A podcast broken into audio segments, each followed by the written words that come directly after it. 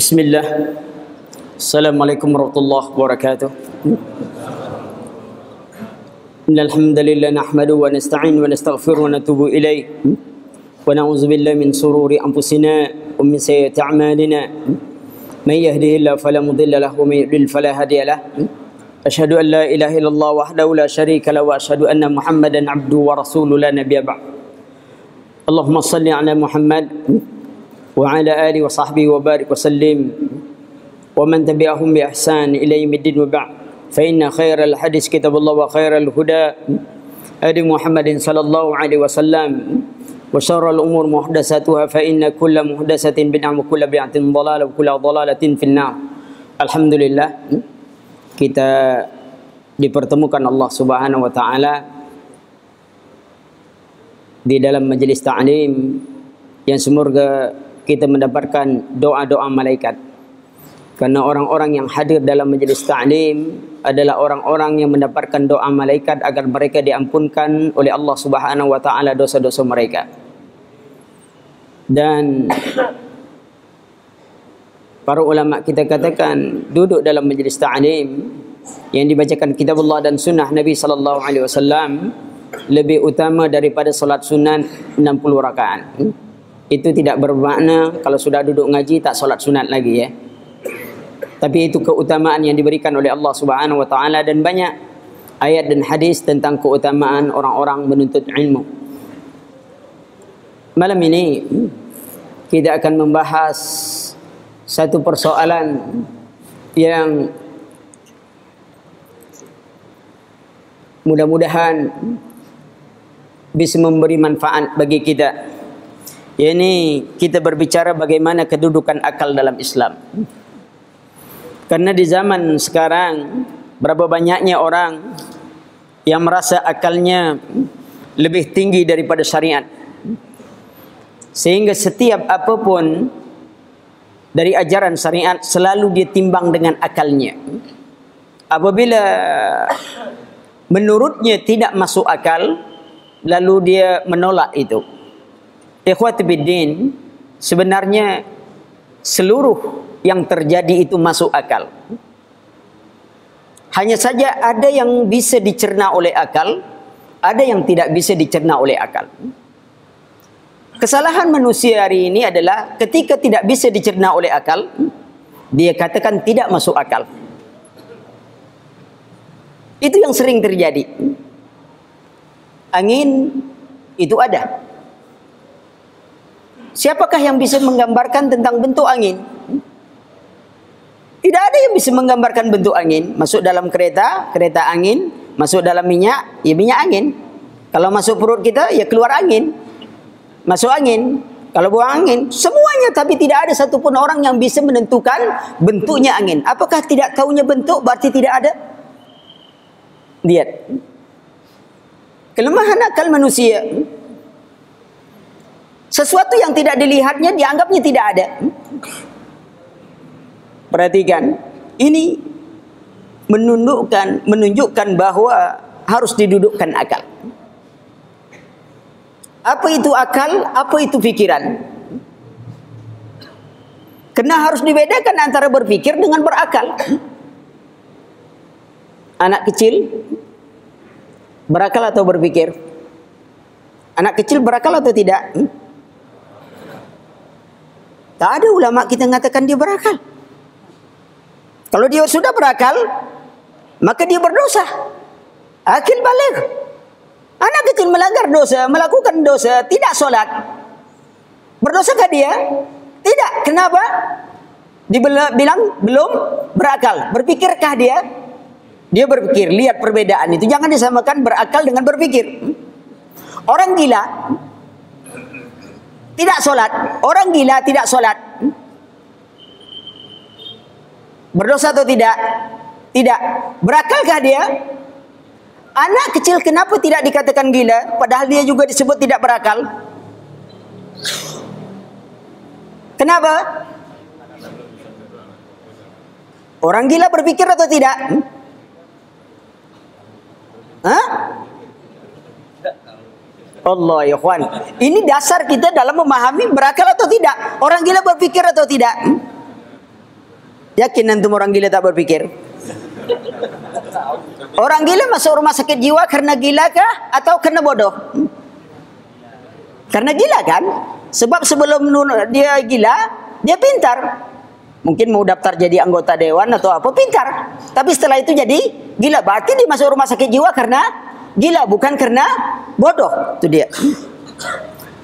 Orang gila kalau antum dia minta rokok, antum kasih pena, apa dia bilang? Siapa yang gila? Kita yang dibilangnya gila. Tapi kenapa orang gila ketika melanggar syariat dia tidak dihukum? Ana ingin tunjukkan kepada antum bahwa berpikir dengan berakal itu berbeda. Kita jangan terjebak sebuah kata-kata, tapi kata-kata itu menggiring kita bisa menjadi kufur. Lihat berapa banyaknya orang tanpa sadar mengeluarkan kata-kata kufur. Kita telah mengantar saudara kita pada tempat peristirahatannya terakhir.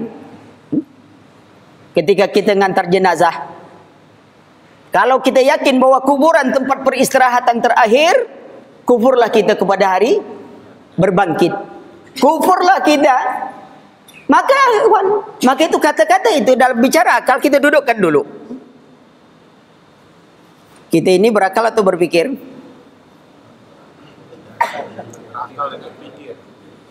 Antum lihat banyak orang tak solat berakal atau berpikir? Dudukkan konsep dulu. Orang berpikir adalah orang yang mau memahami dirinya dan mau memahami apa yang di luar dirinya. Hmm? berpikir tuh. Maka itu kalau orang tak mau mikir, dia bilang, emangnya gue pikirin? Artinya saya tak mau ikut-ikut mikirin itu. Dia tidak mau memahami apa di luar dirinya, dia tidak peduli dengan itu. Berarti dia tidak berpikir. Orang berakal, dudukkan akal. Akal adalah alat untuk menerima syariat. Alat untuk menerima syariat. Setiap orang berpikir dia sudah punya alat. Anak kecil sudah ada dah alat untuk menerima syariat. Ada, tapi belum berfungsi sampai balik alat itu baru berfungsi. Kena dia beban. Orang gila hmm, sudah punya alat, tapi ketika dia melanggar persyariat, kenapa tidak dihukum? Karena alatnya rusak. Maka antum kalau ingin melanggar syariat dan tidak berdosa, rusak alat. Hmm. Orang tidur, hmm, ada dah alatnya? Ada, tapi alatnya sedang istirahat. Tengok, diangkatlah hukum ini kapan? Ketika orang lagi balik, ketika orang tidur, ketika orang lagi gila. Tidak ada hukuman dia. Ada orang tidur, mimpi meninggalkan solat. Tak berdosa dia.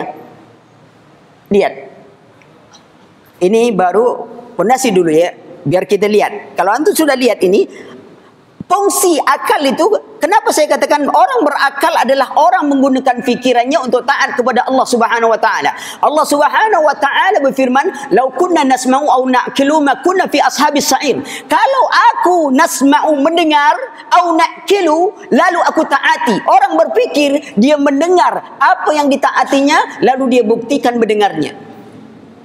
Lau kunna nasma'u berapa banyaknya orang mendengar azan? Au nakilu kami mendengar kami taati makunna fi ashabis sa'ir. Kami tidak masuk dalam neraka sa'ir. Tapi mereka dengar mereka tidak mentaati. Kata Allah mereka tidak berfikir. Maka itu dipenuhkanlah isi neraka jahanam dari orang-orang yang diciptakan Allah Allah sebab ciptakan kita laqad khalaqnal insana fi ahsani taqwim. Kami ciptakan manusia dalam sebaik-baik bentuk wa ja'ala lakumus sam'a wal absar wal afidah. Kami berikan kepada mereka pendengaran dan hati. Tapi sedikit yang mensyukuri nikmat pendengaran penglihatan hati. Apa itu untuk beribadah kepada Allah Subhanahu wa taala? Ketika manusia diberi nikmat oleh Allah pendengaran hati penglihatan yang Allah ciptakan mereka dengan tujuan wa ma khalaqtul jinna wal insa illa liya'budun tidak kuciptakan jin dan manusia kecuali untuk beribadah kepadaku. Lalu mereka tidak beribadah kepada Allah Subhanahu wa taala Allah turunkan derajatnya pada derajat yang paling hina. Summa radatnahu asfala safilin. Kami turunkan derajat mereka pada derajat yang paling hina. Walaqad zara'nal jahannam katsiran minal jinni wal ins. Lahum qulubun la yafqahuna biha walau ma'ayun liyabsiruna biha walau ma'azan liyasma'una biha ulaika kal an'ami bal hum adall ulaika humul ghafilun kami penuhkan isi neraka jahanam dari golongan jin dan manusia lahum qulubun mereka punya hati la yafqahuna biha tidak mau memahami ayat Allah. Mereka punya pendengaran tidak mendengarkan ayat Allah. Mereka punya penglihatan tidak melihat keagungan dan kebesaran Allah Subhanahu wa taala. Ulaika kal an'am, mereka seperti binatang bahkan mereka lebih hina dari seekor binatang. Ikhwan. Abdullah Mubarak mengibaratkan ketaatan, kepatuhan kita pada Allah, ya, kesetiaan kita pada Allah itu kadang-kadang dikalahkan kesetiaan seekor anjing pada tuannya. Anjing diseret oleh tuannya. Dibagi makan dengan tulang dan makanan sisa. Diikat di tepi pagar namun dia tetap tidak mau berkhianat pada tuannya. Kita ketika kita punya kita baru lahir kita punya mata tidak melihat Allah beri penglihatan punya pendengaran Allah beri pendengaran punya hati tidak memahami punya ke, tidak punya kekuatan semua Allah berikan ketika sudah dapat semuanya ternyata kita tidak mau taat kepada apa yang diperintahkan Allah Subhanahu wa taala Tidakkah dalam segi kesetiaan kita telah kalah? Maka perhatikan, malam ini kita bicara tentang akal itu sendiri. Tadi sudah saya dudukkan bahwa antara akal dan berfikir. Bahwa setiap orang berfikir belum tentu disebut orang berakal. Tapi setiap orang berakal pasti dia berfikir. Maka kita jangan heran kalau kita mengatakan bagaimana orang-orang kufar, ahli penelitian apa semuanya mereka berpikir tak? Berpikir. Jangan dibilang tak berpikir. Mereka berpikir. Tapi berakalkah mereka? Tidak. Karena tidak menggunakan pikirannya untuk taat kepada Allah subhanahu wa ta'ala. Maka itu Allah katakan, orang peka, orang bisu. Bukan apa yang pekanya. Dia tidak mau taat kepada Allah. Dia dengar. Tapi dia tak mentaati. Seperti sebuah anekdot yang disebutkan orang. Suatu ketika antara petani dengan uh, antara sapi dengan tuannya tiba-tiba terdengar suara azan. Lalu sapi berbicara kepada tuannya, "Bos, suara apa itu?" Bosnya dengan bangga mengatakan itu azan untuk panggilan manusia. Sapi terdiam. Setelah komat, sapi bertanya lagi, "Bos, ini suara apa lagi?" Itu panggilan untuk orang beriman segera untuk solat. Sapi terdiam kembali. Setelah berjalan waktu sore hari mereka pulang berdua. Lalu sapi berkata kepada bosnya, bos, kelihatan hari ini kita sama. Sama apa? Sama-sama tidak menjawab panggilan tadi. Lalu bosnya yang terdiam. Dia mendengar juga, tapi tidak ada responnya. Maka itu orang mendengar konsep mendengar Islam dengan konsep mendengar fisika berbeda. Masuknya getaran pada gendang telinga, cukup orang sebut mendengar. Tapi Islam tidak. Masuk getaran suara pada gendang telinga, harus ada reaksi dari pendengaran itu. Kalau tidak, dia disebut peka. Coba kita panggil anak kita. Nak, tolong belikan kopi bapak. Nanti pak. Masih main juga tuh. Panggilan kedua, mungkin sayang kita panggil. Tapi sayang marah. Sayang, tolong panggil belikan kopi bapak. Nanti pak masih main. Kira-kira panggilan ketiga apa? Hei peka. Hmm? Hmm? Karena tidak ada reaksinya. Maka Allah katakan summun bukmun um yumfahum la ya'kilun. Mereka peka bisu tuli dia la ya'kilun tidak berakal. Apa? Tidak mengikuti itu. Ini dudukkan dulu supaya kita bisa tahu posisi kita sekarang berakal atau berpikir insya Allah yang di dalam ini berakal semua insya Allah. Kita jadi orang berakal. Alhamdulillah. Mulia orang Islam. Dia berakal. Ya. Karena membedakan kita dengan membedakan antara kita dengan binatang itu ilmu dan keimanan. Amalan itu. Allah ciptakan kita walaupun baik bentuk kita tetapi ada yang membedakan kita Maka itu disebutkan oleh Rasulullah Inna Allah la yanzuru ila ajasamikum wala ila suwarikum walakin yanzuru ila kulubikum wa amalikum. Allah tidak lihat bentuk kalian. Gagah kita tak dilihat. Coba lihat burung walet. Air liurnya berapa harganya? 20 juta satu kilo. Air liur kita masuk sini ada orang mau beli? Tak ada kan orang beli? Tak ada harga kita. Coba antum bandingkan kopi luwak dengan kopi awak kata orang Padang. Kopi awak tu kopi yang kita telan lalu kita keluarkan. Dibanding dengan kopi luwak, harga yang mana yang dinilai orang? Tak ada nilai kita akhi kecuali iman itu dan amalan kita. Tak ada harga kita. Kita bekerja bertahun-tahun dengan toke besar, tapi toke tak pernah buatkan kita rumah. Burung walet baru saja lewat, eh besok rumahnya sudah jadi. Allah. Lalu kita mau mengandalkan apa lagi di hadapan Allah? Tidak ada kecuali iman kita. Malam ini kita baru berbicara tentang akal. Baik. Tadi hubungan akal. Nah, Islam adalah agama yang sempurna. Islam sangat melarang umatnya merusak akalnya. Karena itu Islam sangat mengagungkan akal. Nah, bagaimana pemanfaatan akal? Bagaimana Islam memandang akal itu? Ya, bagaimana akal itu harus dimanfaatkan? Pertama, Al-Quran mengarahkan manusia untuk memikirkan dan menerima syariat. Allah Subhanahu wa taala katakan walakum fil qisasi hayatun ya ulil albab la'allakum tattaqun. Dan dalam kisos itu ya ada jaminan kelangsungan hidup bagimu wahai orang-orang yang berakal supaya kamu bertakwa. Dalam kisos kisos hukum apa? Allah katakan ada kehidupan. Coba pikirkan, biasanya orang kalau membunuh lalu dihukum biasa saja, dia keluar jadi pembunuh lagi dia. Tapi kalau orang sudah membunuh lalu dia dihukum lagi bunuh, bagaimana dia mau membunuh lagi dia sudah mati? Lihat keadaan.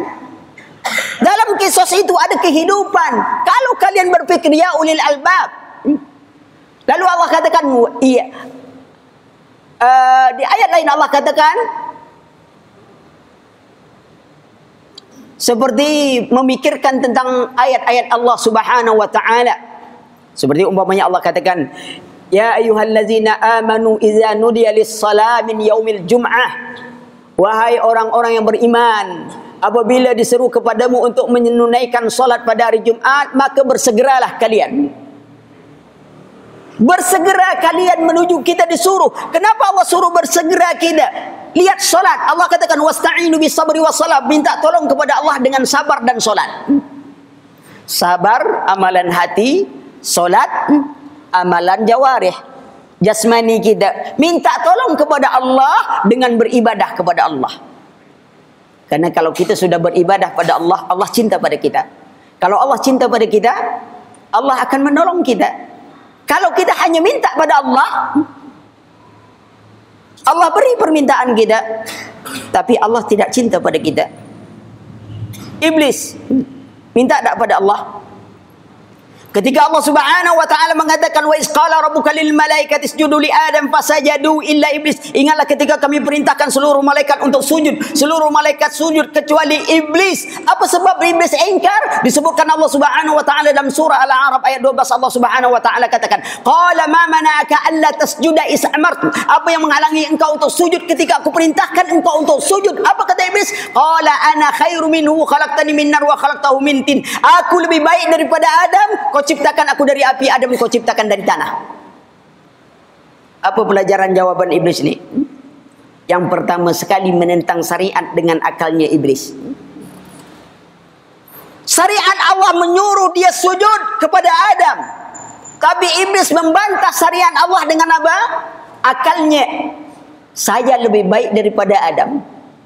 Engkau ciptakan aku dari api, Adam kau ciptakan dari tanah. Lihat, siapa yang pertama sekali menentang syariat dengan akal? Iblis. Tidak banyak muridnya sekarang. Semuanya dia ukurnya dengan akalnya. Bayangkan nanti.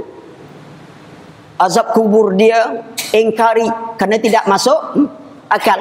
Justru yang mengingkari azab kubur yang tak masuk akal. Dari mana sisi tak masuk akalnya? Coba tanya orang mengingkari azab kubur. Anda yakin tak Allah Maha Kuasa? Yakin? Menurut anda siapa yang azab dalam kubur?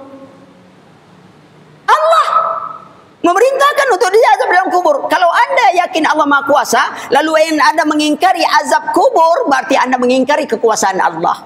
Itu yang tidak masuk akal. Karena azab kubur itu masuk akal. Tapi tidak bisa dicerna oleh akal. Tapi adakah contoh untuk akal? Ada. Hanya kita tidak bisa permisalan contoh. Kalau kita mau tidur, doa kita, doa tidur, apa dia? Bismika Allahumma ahya wa amut. Hidup, mati. Maknanya tidur adalah gambaran kematian. Coba kita perhatikan. Si A mimpi pulang kampung. Disambut dengan naik pesawat, disambut dengan permaidani, lalu turun dari pesawat, disambut oleh orang-orang yang ia cintai, disediakan makanan. Kira-kira bagaimana waktu dia tidur? Senyum atau tidak? Dia tidur dengan senyum. Si B tidur dekat si A juga. Mimpi pulang kampung, tapi pesawat penuh akhirnya dia bergantung. Ya, Sampai di di sini dijatuhkan, masuk ke sungai. Sampai di sungai dikejar buaya, berenang ke tepi, naik ke kampung masuk ke hutan dikejar harimau, lari ke kampung digebuk orang sekampung. Kira-kira bagaimana tidurnya? Hah? Menyesal dia tidur kalau tahu gitu. Maka itu saya katakan juga tidur bukan istirahat.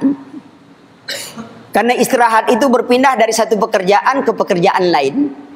Orang yang mimpi menakutkan tadi, kalau betul tidur istirahat, saya yakin dia menyesal tidur tuh. Yakin saya. Kalau tahu, saya tak mau tidur tadi kata dia. Anda kejar harimau buat kerja. Tetapi pernyataan, apakah dia betul-betul dikejar?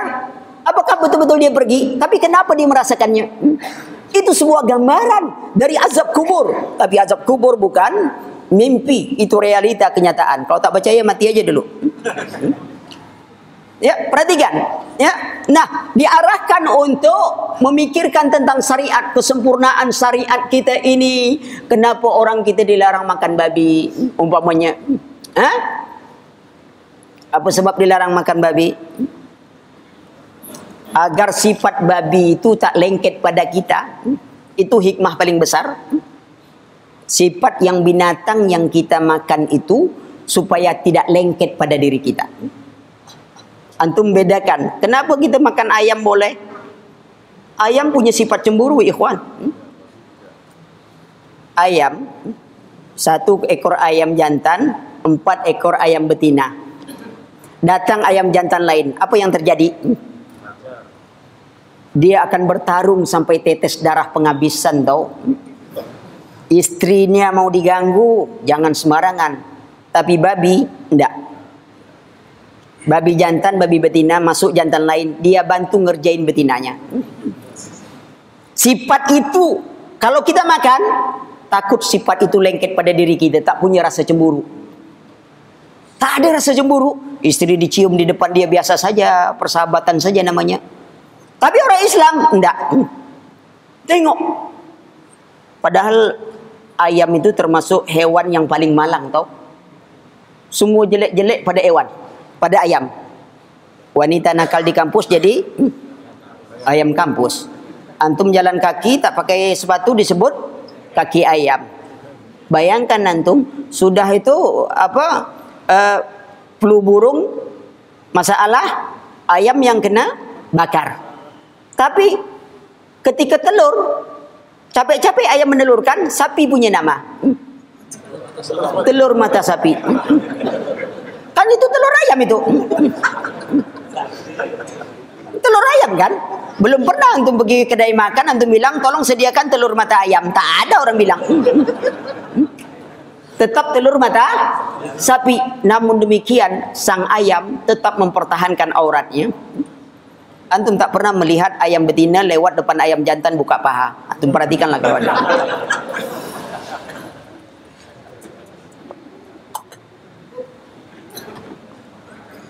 Pernah? Tak ada kan? Kalau mau lihat pahanya, langkahi dulu mayatnya. Dipotong dulu, terserah antum. Wallah, dipertahankan dirinya sampai Allah, ikhwan. Menakjubkan sebenarnya keajaiban makhluk. Imam Ibn Qayyim punya satu kitab yang judulnya Ajaibul Makhluk, keajaiban-keajaiban makhluk. Sangat menarik sekali. Tapi kita tidak bicara tentang keajaiban makhluk. Perhatikan kita pikirkan. Kedua, ya, kenapa diarahkan untuk memanfaatkan akal itu agar kita mengenal kelemahan kita. Kelemahan akal. Ya, akal ini lemah. Kita tidak bisa membuat semisal Al-Quran. Bagaimana lemahnya akal manusia tadi? Perhatikan, seperti saya katakan tadi, akal tidak bisa menjangkau angin tadi. Suatu ketika, maka itu akal itu diseterangi dengan ilmu dia akan ini. Karena iblis itu lebih takut dengan orang berilmu daripada ahli ibadah. Suatu ketika, antek iblis datang kepada ahli ibadah. Anteknya berkata kepada ahli ibadah, engkau rajin ibadah. Apakah engkau yakin Allah Maha Kuasa? Lalu jawab ahli ibadah, yakin, sangat yakin Allah Maha Kuasa. Kalau Allah Maha Kuasa, mampukah Allah memasukkan langit, bumi dan semua isinya dalam sebutir telur? Langit, bumi dan seluruh isinya dimasukkan dalam sebutir telur. Mampukah? Ahli ibadah bilang, tidak bisa kufurlah dia. Lalu dia mendatangi ahli ilmu, tulabul ilmi, pelajar dia belajar ilmu. Dia tanyakan juga dengan pertanyaan sama, yakinkah engkau bahwa Allah Maha Kuasa? Kalau Allah Maha Kuasa mampu tak dia memasukkan langit, bumi dan segala isinya ke dalam sebutir telur? Tulabul ilmi katakan, lebih dari itu Allah mampu. Yang bertanya mengatakan dari mana dalilnya? Iza arada syai'an ayyakulu lahu kun fayakun. Kalau Allah mengendaki sesuatu, jadi maka jadilah dia. Namanya orang ku, kufar, namanya zidik, tak mau kalah. Kalau Allah katakan sekali jadi, kenapa Allah ciptakan langit dan bumi dalam enam masa? Kenapa tidak sekali jadi? Kata tulalil ilmi, Allah menginginkan langit dan bumi jadi dalam enam masa. Jadilah dalam enam masa. Tidak ada pertentangan. Allah ingin menjadikan langit dan bumi dalam enam masa. Jadi langit dan bumi dalam enam masa. Tidak ada yang bertentangan. Kalau bertentangan berarti akalmu yang rusak. Coba kalau jadi itu menurut kita. Orang nikah pagi, berkumpul malam. Besoknya lahir anaknya. Langsung jenggotan. Geger tak dunia? Geger dunia. Tapi jadi itu menurut Allah. Bukan jadi menurut kita. Itu keadilan Allah. Ada orang bertahun belum dapat anak. Itu keadilan Allah. Jadinya menurut Allah. Bukan menurut kita. Tak bisa diukur dengan akal. Kelemahan akal kita tidak bisa. Maka itu dikatakan Rasulullah sallallahu alaihi wasallam, tafakkaru fi khalqillah wa la tafakkaru fi zatihi. Berpikirlah tentang makhluk ciptaan Allah, jangan coba-coba memikirkan tentang zat Allah karena akal kita ini terbatas. Tadi angin saja sudah tak bisa kita cernakan. Kita setiap hari melihat listrik. Mana wujud listrik sebenarnya? Itu lampu listrik. Coba kalau tak ada minyak saja, sudah tak bisa hidup dia. Mana listrik sebenarnya? Tak bisa dicerna oleh akal kita. Kalau dalilnya apa? Harus dilihat. Coba lihat. Kita punya roh tak? Pernah tak kita melihat roh kita? Pernah mendengar suaranya? Pernah mencium baunya? Pernah berbicara dengannya? Lalu dari mana anda mengetahui anak punya roh? Anda tidak pernah melihatnya? Tidak pernah mendengarnya? tidak pernah berbicara dengannya, tidak pernah mencium baunya. Lalu dari mana anda mengetahui anda punya roh? Akal tak bisa mencerna. Perhatikan, maka kelemahan akal. Jadi ketika untuk manfaatkan akal, kita harus tahu bagaimana kelemahan akal agar kita tidak apa? Uh, tidak melampaui batas akal itu. Islam tidak ada doktrin. Kalau dikatakan Rasulullah berpikir tentang makhluk Allah, itu bukan doktrin. Kalau doktrin itu ajarannya itu tak benar tapi harus diterima sebagai sebuah kebenaran. Sedangkan disebutkan Rasulullah itu bukan doktrin. Apa itu? Batasan akal kita. Tak bisa akal kita mencerna ikhwan. Sedangkan di dunia ini saja tidak bisa kita mencerna. Banyak perkara di dunia tidak bisa kita cerna. Dalam sebuah penelitian dikatakan bahwa telur ayam kalau mau menetas itu dalam cangkangnya itu anak ayam mau keluar itu ada semacam tanduk hmm? sehingga dia bisa memecahnya tapi begitu dilihat tak ada hmm? banyak penelitian tak bisa dipecahkan oleh orang akan tetapi dengan kita memahami syariat kedudukan kita bahwa akal kita itu sangat terbatas. Allah berikan kita akal bukan untuk mengotak-ngatik syariat, Allah beri kita akal untuk menerima syariat lalu berfikir bagaimana cara menjalankan syariat. Itu dia gunanya. Hmm? Bukan ngotak-ngatik. Maka itu dunia pengetahuan dulu berkembang. Kenapa? Karena orang Islam menerima syariat lalu mereka berfikir bagaimana memudahkan mereka mengamalkan syariat. Muncullah penemuan-penemuan. Hmm? Hari ini apa? Akal digunakan orang untuk apa? Untuk mengotak-ngatik syariat. Sampai-sampai ada mengatakan ini. Ada yang mengatakan bahwasanya babi itu yang haram cuma dagingnya. Kenapa? Karena dalam Quran disebutkan huriman alaikumul maitatu walahmul khinzir. Daging babi. Tengok bahasa Al-Quran. Disebut satu sebenarnya untuk seluruhnya. Tak mungkin ada babi hanya punya daging saja berjalan tak ada tulang tak ada kulit. Tak mungkin. Karena sebut daging di situ melekat tulangnya di situ melekat kulitnya. Cukup disebut babi dagingnya saja sudah mewakili seluruhnya. Tak perlu disebut satu-satu tulangnya, sumsumnya semua ini banyak betul. Ya. Itu bukan kitab suci namanya. Ya. Lihat seperti Allah katakan wadrib lahum masalan ashabal qaryati isja'ahal mursalun. Beri mereka contoh sebuah negeri ketika Rasul datang kepada mereka. Kepada penduduk negeri itu. Tak perlu Allah ceritakan. Dia datang rumah sebulan, datang rumah sebulan, datang rumah sebulan. Tak perlu. Berapa tebalnya itu Quran.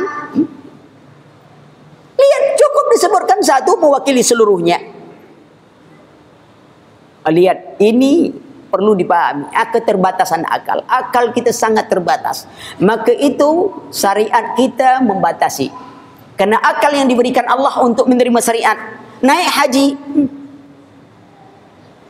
wajib bagi yang mampu. Terima kita.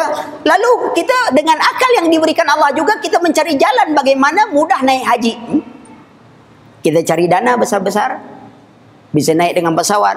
Kita tak perlu mencari guru yang bisa solat dua tempat. Tak perlu. Sebab kalau saya punya ilmu macam itu, saya buka travel, Pak. Saya pegang aja semuanya, langsung sampai ke Mekah. Iya, musim haji. Begitu mau pulang, pegang lagi. Sampai lagi pulang ke Bali. Bayaran murah. Tapi tak ada orang punya ilmu macam itu. Kan enak kita pakai travel macam itu. Tak pakai paspor, tak pakai ini. Ya.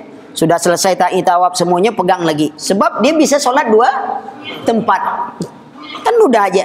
Tapi itu kan cerita.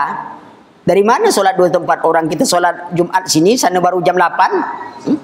Solat apa di sana? Hmm? Orang beda 4 jam. Kalau beda dengan sini berapa jam? 6 jam. 5 jam. Solat apa namanya? Maka itu khayal. Ya. Perhatikan. Ya, nah diarahkan berpikir kemudian agar kita mengetahui sesungguhnya uh, uh, kelemahan diri kita. Kemudian akal juga hmm, diarahkan untuk memikir umat-umat yang terdahulu. Awalam yasiru fil ardi falyanzuru kaifa kana akibatul mukazzibin. Kenapa kita tidak berjalan di muka bumi lalu engkau melihat bagaimana akibat orang-orang yang mengingkari Allah? Untuk pelajaran banyak orang yang belajar sejarah tapi tidak mengambil pelajaran dari sejarah. Orang Yahudi, Pak. Ya. Dia gali itu para ahli arkeolog, dia gali itu mumi Firaun. Dia tahu itu Firaun, dia tahu itu Ramses, dia tahu sejarahnya, tapi perangainya tetap juga seperti Firaun, tak berubah-ubah. Lihat. Dia belajar sejarah tapi tidak mengambil pelajaran dari sejarah. Harusnya kita bisa mengambil pelajaran dari sejarah. Lihat, disuruh mengambil lihat umat terdahulu bagaimana mereka diazab oleh Allah Subhanahu wa taala. Maka kalau kita perhatikan, Pak, seluruh azab orang dahulu ada zaman sekarang. Banjir bandang. Ha? Guntur, petir. Tapi azab orang sekarang zaman dulu tak ada. Seperti apa? direndam lumpur. Tak ada zaman dulu direndam lumpur atau ditimpa sampah. Tak ada, zaman dulu tak ada. Hari ini lengkap semuanya. Semua musibah itu datang. Tapi akibat apa? Akibat ulah kita sendiri. Zaharil fasadu fil bari wal bahri bima kasabat aidin nas. Telah nyata kerusakan di langit dan bumi ini akibat ulah manusia. Ulah manusia yang pertama adalah asyirku billah. Syirik kepada Allah. Itulah petaka yang paling besar. Mengundang malapetaka. Melakukan bidah. Sudah itu riba merajalela. Lihat umat Islam hari ini. Apa yang terjadi? Banyak tak punya kekuatan. Seperti buih banjir. Dalam sebuah riwayat Al-Imam Darimi mengatakan. Dalam sebuah hadis riwayatkan oleh Imam Darimi. Di mana Rasulullah sallallahu alaihi wasallam mengatakan. Yusiku an tada'a alaikumul umam. Kama tada'ala kalatu ila qasahati aqila awa min killatin nahnu yawma izin ya Rasulullah. Qalban innakum yawma izin kasirun walakinnakum usa'un ka usa'is sail. Wa qad yakzifallah fi kulu aduwikum al-mahabatul lakum. Wa la yakzifanna fi kulubikum al-wahad. Qal wa mal wahyuna ya Rasulullah. Qal humud dunya wa karahiyatul maum.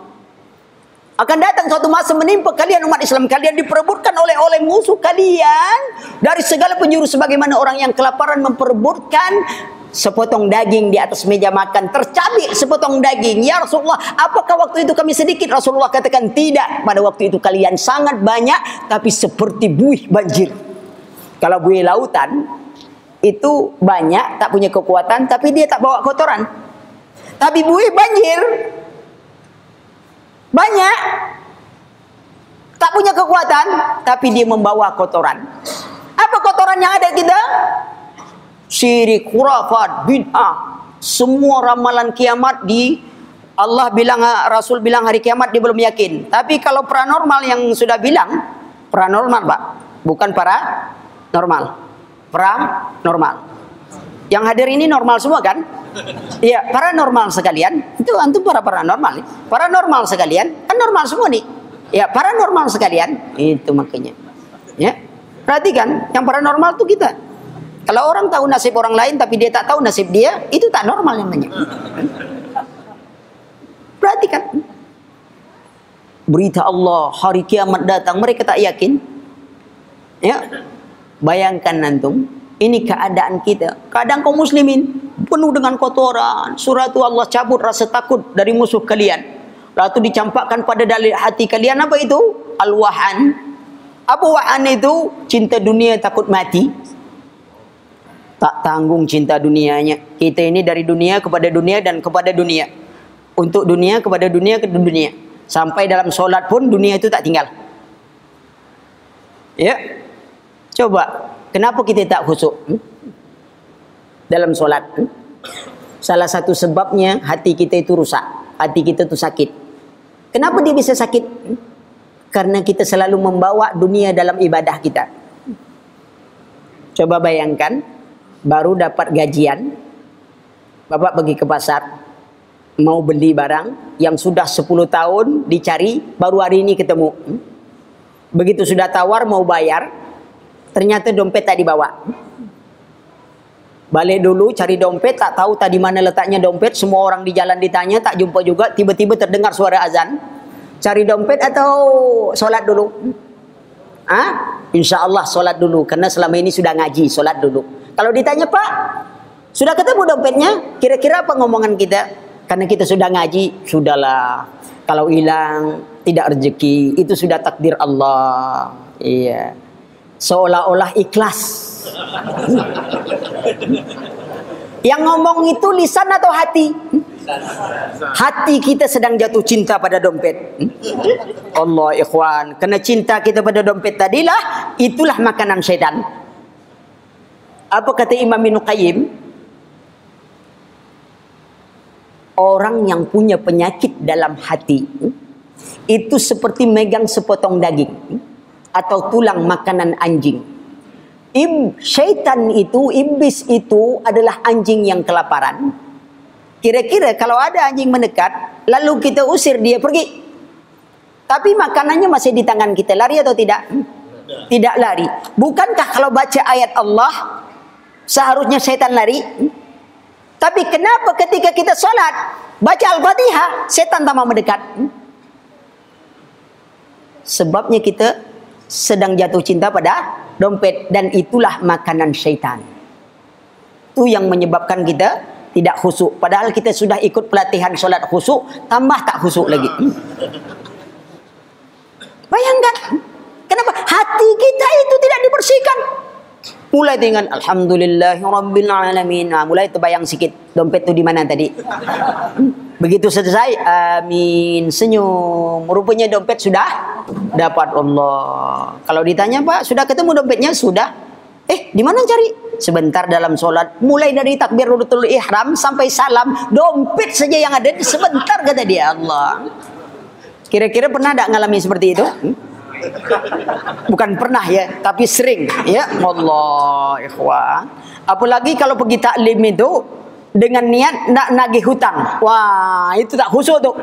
Yakin kalau sab belakang, kemudian yang nak ditagih itu sab depan, itu bukan mandang ke ke bawah, itu mandang ke depan.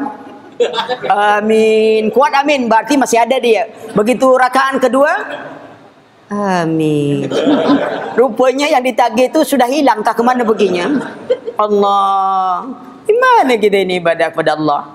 Ya, nanti kita akan bicara yang lebih tentang itu. Tapi ini tentang akal dulu. Diarahkan untuk memikirkan umat-umat terdahulu, ya. Kemudian dia diarahkan untuk mentadabur Quran, mentadabur. Nanti kita ada bicara tentang Al-Quran dan sains.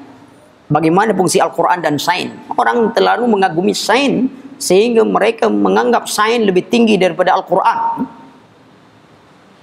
Saya contohkan satu aja lah Pak.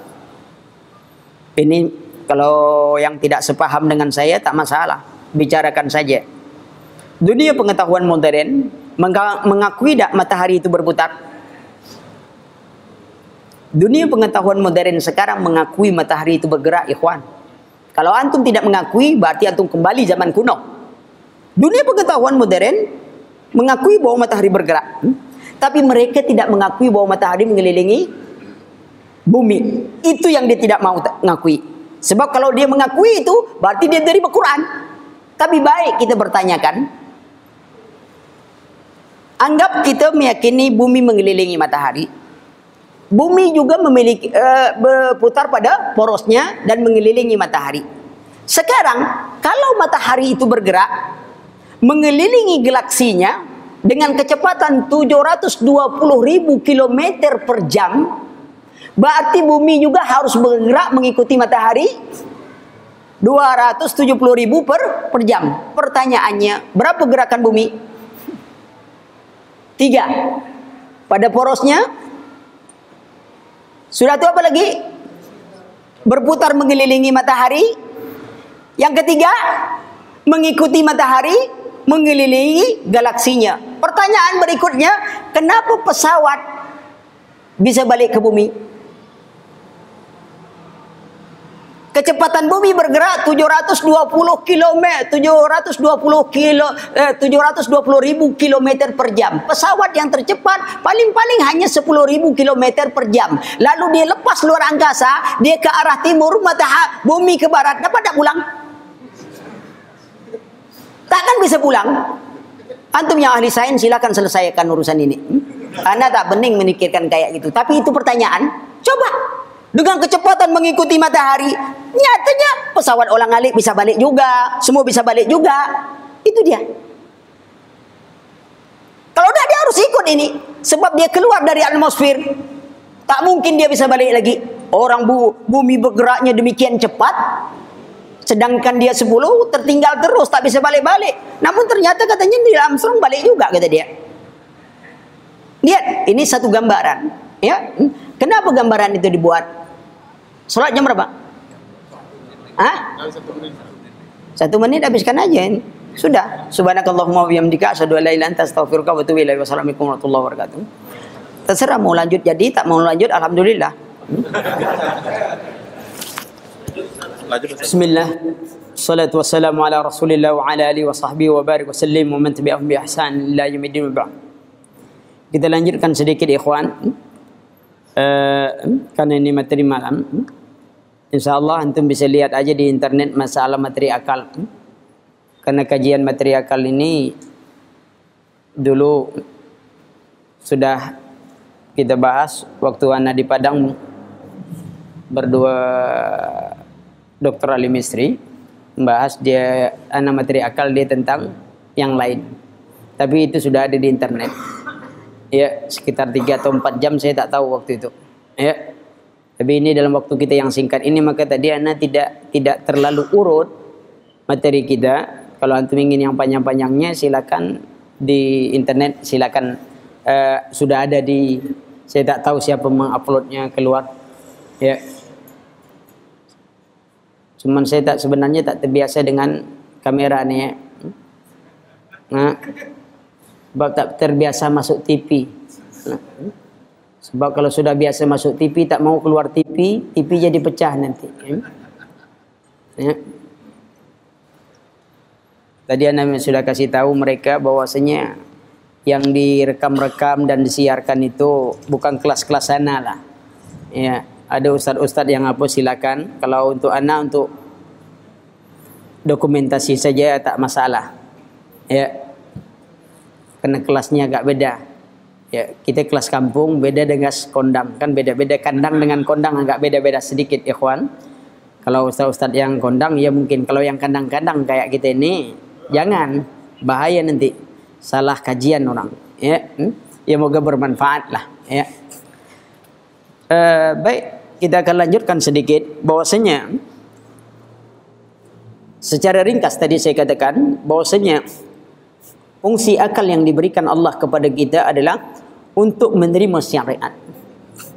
Lalu mencari jalan bagaimana kita bisa mengamalkan syariat.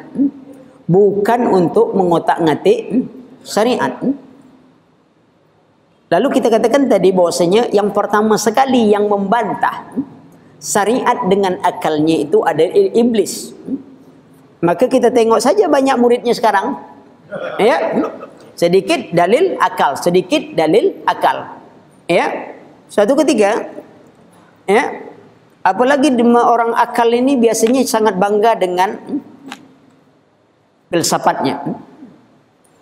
Sehingga kita punya teori juga teori filsafat yang kita sebut dengan filsafat kentut.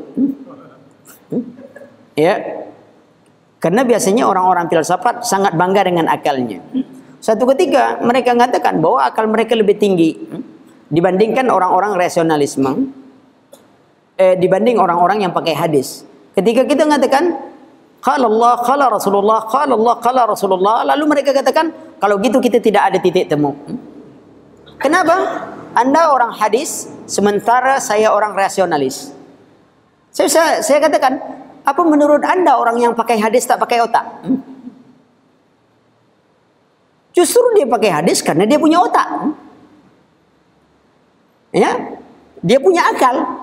Karena akalnya sehat, maka dia mendahulukan kalau Allah dan kalau Rasulullah sallallahu alaihi wasallam itu akalnya sehat. Logikanya bagaimana? Karena akal manusia itu sangat kecil. Kalau diukur akal kita itu, kekuatannya dibanding dengan syariat, akal itu tidak akan bisa menjangkau batas buang angin antum sudah beruduk tiba-tiba buang angin. Antum mau solat apa yang dicuci? Apa yang dicuci? Anggota wudhu atau tempat buang angin? Menurut akal apa hubungan muka antum dengan buang angin itu? Tak ada hubungan yaki. Kenapa antum tak cebok saja begitu langsung antum solat? Lihat Lalu kita katakan kepada mereka, kalau masalah buang angin saja, akalmu harus tunduk pada syariat. Lalu bagaimana dengan masalah dunia yang demikian besar antum mengandalkan akal? Bukankah Allah sudah sebutkan wa in tanazatum fi syai'in farudduhu ila Allah? Kalau kalian berbeda pendapat tentang sesuatu kembali kepada Allah dan Rasulnya, lalu engkau katakan kembali pada akal.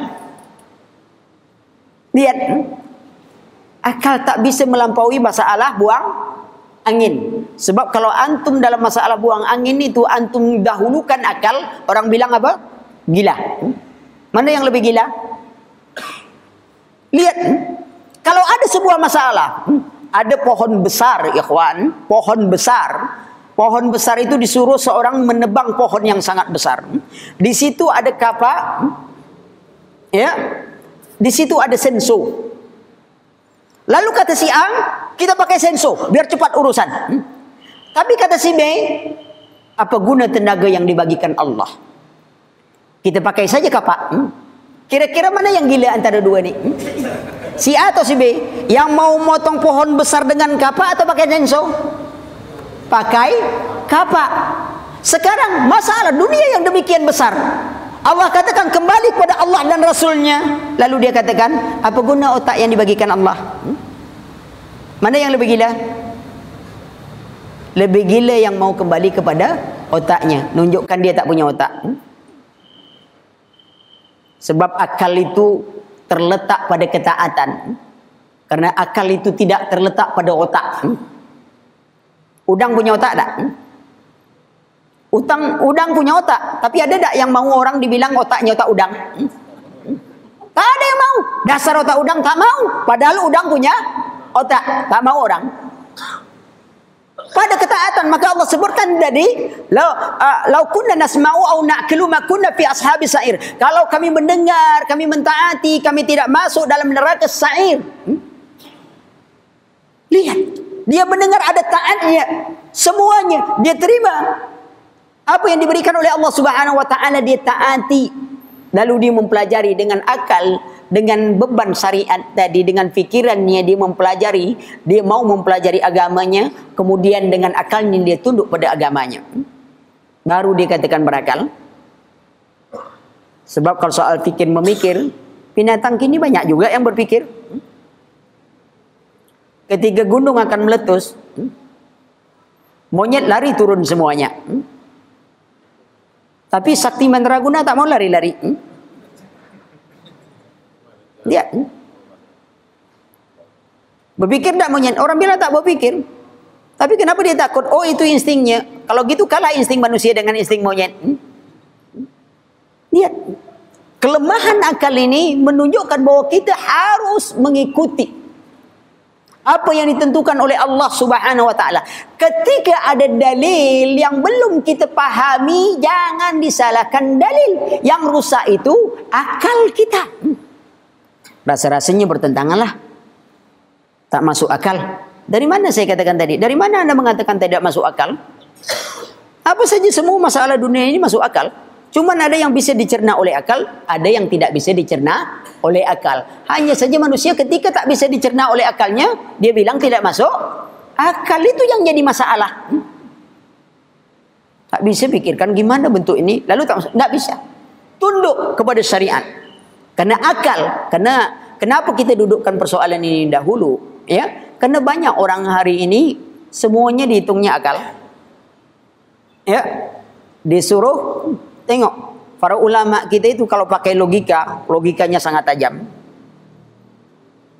Semuanya mau diakal-akali. Para ulama kita bukan mendahulukan akalnya, tapi kecerdasan akalnya itu dibuktikan dengan apa? Dengan tunduknya dan mendahulukan syariat. Itu menunjukkan cerdasnya akal. Ngapain susah-susah memikir? Ada orang ini ada alat hitung, ya, komputer kah atau apakah, ya, kalkulator. Lalu dia ngitung banyak-banyak kalkulator depan dia. Dihitung banyak-banyak terus tambah sekian tambah sekian tambah sekian. Kira gantung dia itu orang pintar atau orang bodoh? Di depan dia ada alat hitung nak cepat hitung, mesti orang bilang dasar bodoh. Dia nak main akalnya saja. Kali ini, kali ini, kali ini. Tengok. Sekarang ada di depan kita kitab Allah dan sunnah Nabi sallallahu alaihi wasallam. Maka dahulukan ini. Kalau dia tidak sanggup kita cerna, maka menunjukkan ketinggian kitab Allah dan sunnah Nabi sallallahu alaihi wasallam. Ketika Rasulullah katakan, apabila di dalam gelasmu masuk seekor lalat, celupkan. Apa kata akal? Akal yang fasik. Apa kata dia? Masak kotor, lalat ditenggelamkan lagi. Ya. Bukankah lalat itu sangat hinggap di tempat yang jorok? Apa semuanya? Akal waktu itu sebenarnya tidak bisa menjangkau ketinggian hadis. Lalu dunia pengetahuan modern apakah mengingkari itu? Tidak. Ternyata setelah diteliti oleh dunia pengetahuan modern benar karena lalat itu tidak pernah hinggap dari satu yang kotoran ke kotoran lain kecuali dia hinggap dengan sebelah sayapnya. Dan sebelah sayapnya lagi itulah penawarnya. Diteliti. Lalu diteliti lagi oleh dunia pengetahuan modern. Ternyata luka yang susah disembuhkan itu kalau dikurumuni lalat justru bisa cepat sembuhnya. Kini ada terapi belatung. Bayangkan antum, ada terapi belatung. Siapa yang tak tahu dengan belatung? Orang yang kena diabetes langsung diterapi dengan terapi belatung. Digigit oleh belatung itu dagingnya di tepi-tepi itu, kemudian tumbuh lagi daging itu. Itu penelitian. Satu yang datang penyakit jadi obat. Sengat lebah sakit enggak? Obat tak sekarang? Terutama orang kurus. Sengat lebah jadi gemuk. Tapi dia obat. Ada ti apa? Aku buntur dengan sengat lebah. Lihat satu penyakit. Lalu di tubuh kita ketika suntik cacar itu disuntik penyakit atau obatnya? Kumanyan masuk. Lihat. Bukan satu al mustahil. Dunia modern sudah mengakui hanya akal-akal yang tak berkembang saja mengingkari. Eh, kenapa Rasulullah dulu menyebutkan itu? Menunjukkan ketinggian hadis Nabi sallallahu alaihi wasallam. Akal belum sanggup seharusnya sami'na wa ata'na. Itu yang harus dikatakan. Bukan wah, masak tuh. Dalilnya masak. Mana ada pakai dalil masak-masak kecuali untuk makan? Tak ada dalil masak-masak sekarang. Dalil yang sohe dan doim. Ini jangan pakai dalil masak-masak. Ya, masak begini, masak begitu. Memangnya kita mau makan? Enggak kan? Perhatikan. Subhanallah. Maka itu kita dapatkan nanti mungkin nanti saya katanya ada materi sains dalam Islam. Kalau kita bicara Al-Quran dan sains, nanti baru saya singkap bagaimana temuan-temuan ini sebenarnya telah didahului oleh apa? Oleh Islam. Tetapi kita tidak jadikan Al-Quran sebagai ayat sain. Ini kesalahan lagi gitu. Saking semangatnya akhirnya dicari semua penemuan dalam Al-Qur'an. Ayat tolak peluru ada tak dalam Qur'annya? Ada. Mana dia? Maramaita isramaita walakin Allah harama. Bukan engkau melempar waktu melempar itu tapi Allah lah melempar. Ayat tolak peluru itu namanya. Dicari lagi ada tak ayat peragawan? Dicari-cari rupanya ada. Kisah Nabi Yusuf yang lewat depan perempuan. Jadi yang lain cari lagi apa? Ayat batu bata. Dicari-cari ada juga rupanya. Apa? Ketika Fir'aun berkata kepada Haman, Ya Haman awkidli ala tin. Ya Haman bakarkan olehmu untukku tanah liat. Tanah liat bakar jadi batu bata. Jadi ayat batu bata. Ini takwil. Dilarang berbicara Al-Quran demikian. Man qala fil Quran bi ra'ihi au bima la ya'lam falyatabawa ma'adahu minan nar. Siapa bicara tentang Al-Quran dengan akalnya atau tanpa ilmu, sediakan tempat duduknya dalam api neraka. Jangan main sembarang-sembarangan saja. Akhirnya para dukun pun pakai ayat. Hmm? Pakai ayat Quran. Oh ingin ilmu kebal api amalkan kul ya narukuni barda wa salaman alayya. Baca seribu kali? Allah. Doa supaya dicintai gadis. Zina lin nasi hubus syahawat minan nisa wal banina Puh. jadi Allah ikhwan. Jadi ilmu semuanya dapat ya. Ingin ilmu hilang baca surah yasin Allah Lihat. Akhirnya orang gunakan Al-Quran. Ada ilmu sihir hitam, ada ilmu sihir putih. Mana lebih kuat hitam dengan putih? Kuat putih. Kenapa? Karena setan lebih mudah menipu orang dengan yang putih. Pelajari ilmu. Maka itu akal dilarang untuk dirusak. Dilarang minum khamar agar kita tidak merusak akal. Dilarang mempelajari sesuatu ya yang tidak sesuai dengan akal kita itu bisa merusaknya. Orang belajar ilmu gaib semuanya itu bisa merusak otaknya. Belajar filsafat merusak otaknya. Apa orang filsafat bilang? Ya. Kan buat orang gila filsafat itu sekali pikir benar, Dua kali pikir salah, tiga kali pikir gila. Hmm? Tanya kuping pada orang filsafat di mana telinga? Bukan di sini. Sini ya. Hmm? Apa kata Aristoteles? Kalau kalian ingin menerima kebenaran yang paling benar. Buanglah kebenaran yang ada. Masuklah dengan keraguan. Mulailah mencari. Anda akan mendapatkan keyakinan. Siapa mahasiswa pernah kuliah filsafat? Gitu dah Aristoteles bilang. Kalau belum, belajar lagi filsafatnya. Tapi ilmu itu tak bisa antum amalkan ikhwan. Coba antum pulang ke rumah, bilang sama bapak antum, Pak, semenjak saya dapat ilmu filsafat, kata Aristoteles, buang keyakinan yang ada, masukkan keraguan, mulai mencari. Saya jadi ragu bapak-bapak saya atau tidak. Bisa tak diamalkan? Tak bisa diamalkan. Mungkin bapak kita bilang, saya juga nak sebelum engkau belajar filsafat, saya yakin anak saya. Tapi nengok kayak ini, anak siapa kau sudah? Islam tidak membutuhkan itu ya kawan. Tidak membutuhkan itu. Ya, memang akal kita tidak boleh antum pakai akal sebab kadang-kadang kalau tak pakai akal gimana kita? Tetapi ingat ketika akal itu ditemukan dengan syariat dia harus tunduk pada syariat. Tak perlu antum lagi kalau ketika sudah temu dengan syariat, antum mengakal-ngakali syariat. Tidak. Tunduk pada syariat. Karena ketinggian syariat itu, dalam hal dunia ini bisa saja antum akal-akali. Karena dalam syariat Allah itu, dalam perkara yang gaib, tak masuk akal kita. Tak masuk. Ikhwan, tidak semua di alam ini harus kita selesaikan dengan akal. Kadangkala urusan dunia saja kita tidak main akal lagi. Saya contohkan. Kita baru beli mobil, baru sebulan bawa mobil.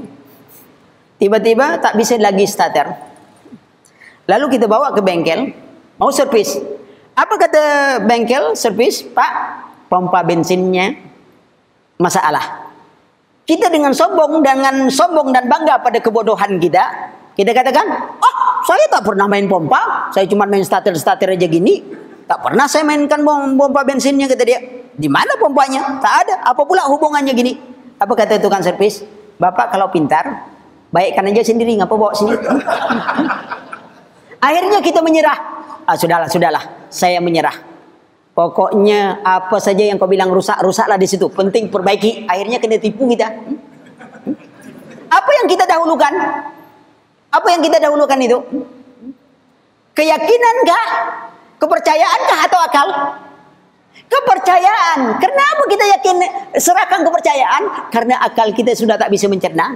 Apa hubungannya? Tapi dia tahu. Lihat. Dalam urusan dunia seperti itu kita. Lalu bagaimana dalam urusan agama ini kita nak mainkan akal kita, ikhwan? Seharusnya kita lebih menyerah Ketika Allah katakan tentang hari berbangkit, tentang hari kiamat, tentang sorga, tentang neraka, semuanya diberitakan itu berita gaib. Seharusnya tak ada lagi pikiran kita. Kenapa? Allah yang memberitahukan kepada kita. Sebagaimana tukang bengkel tadi. Kita serahkan pada dia. Namun ketika Allah mengatakan, kita tak yakin. Orang kalau Allah dan Rasul katakan hari kiamat itu banyak tandanya. Wanita berpakaian tapi telanjang tak yakin juga orang. Ya. Tapi kalau ada profesor mengatakan kiamat akan terjadi. Kenapa? Profesor A mengatakan bahwasanya daya tarik matahari itu semakin hari semakin kuat. Sehingga semua benda yang mengelilingi matahari itu disedot oleh matahari, terjadilah hari kiamat. Terjadi benturan. Orang katakan mantap ini profesor. Profesor B mengatakan daya tarik matahari semakin hari semakin kurang. Akhirnya semua orbit planet yang di, biasanya ditarik matahari lepas terjadi tabrakan. Ini mantap lagi. Dua profesor yang berbeda pandangan semuanya mantap. Bayangkan nanti Allah yang mengatakan ditambah dukun pula. Bilang tanggal 9 bulan 9 tahun 1999 jam 9 lewat 9 kiamat terjadi. Percaya semua tu. Kemarin tahun 2013 akan kiamat katanya. Eh ternyata tukang ramal kiamat duluan. Lihat. Maka dudukkan dulu. Jadi ketika kita bicara dalil dengan akal, maka tunduklah akal itu dengan dalil dengan berbagai alasan. Anak rasa itu dulu, nanti kita tanya jawab sedikit. Karena waktu cuma setengah sembilan. Tapi di insya Allah rasanya di internet katanya sudah sudah ada tentang masalah akal ketika anda membahasnya di Padang. Ya, anda rasa itu dulu. Ada waktu tersisa sekitar 20 menit. Kita bisa tanya jawab. Kata orang Melayu, malu bertanya sesat di jalan. Banyak bertanya, malu di jalan. Tak mau bertanya, jalan-jalan sajalah.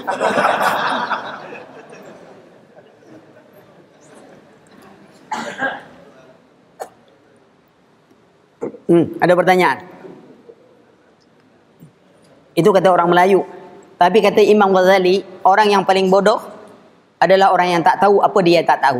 Tak bertanya pun tak tahu. Hmm? Itu bukan kata anak tu. Imam Ghazali bilang tu. Jangan anak dia bilang. Yang tak bertanya pun dia tak tahu. Ya, Tapi ingat. Sebenarnya bertanya pun harus ada etika. Bertanya yang bermanfaat lah. Hmm? Artinya kadang-kadang ada pertanyaan, Ustaz, kalau kita di surga, nah, kalau kita di surga, bagaimana keadaan kita? Tentu jawabannya, apa yang antum yakin untuk masuk surga? Sehingga pertanyaan antum, kalau kita di surga, kenapa tidak bertanya bagaimana cara masuk surga? Jangan antum bicara kalau kita di surga, yakin, yakin betul antum kayak masuk surga. Ada lagi yang bertanya yang aneh, Ustaz, kalau kita di bulan kiblatnya di mana? Ana bilang, antum ke bulan dulu, nanti telepon Ana, baru Ana kasih tahu.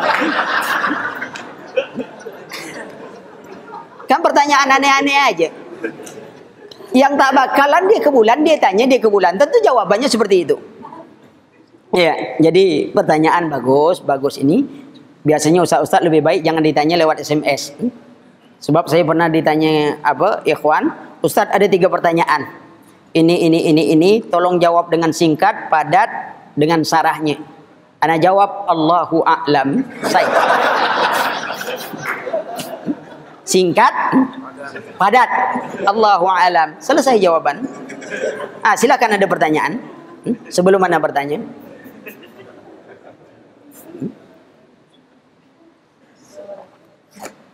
Mungkin saat ini tak salah bertanya dulu. Besok-besok kita bisa bertanya.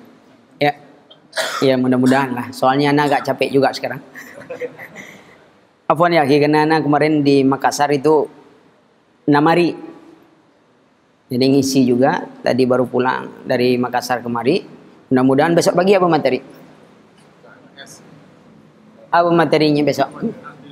Oh, di Indonesia. Ya bagus. Insya Allah kita mudah-mudahan bermanfaat semuanya bagi kita. Ya. Uh, subhanakallahumma bihamdika asyhadu an la ilaha anta astaghfiruka wa atubu ilaik wassalamualaikum warahmatullahi wabarakatuh. Subuh ya? Oh subuh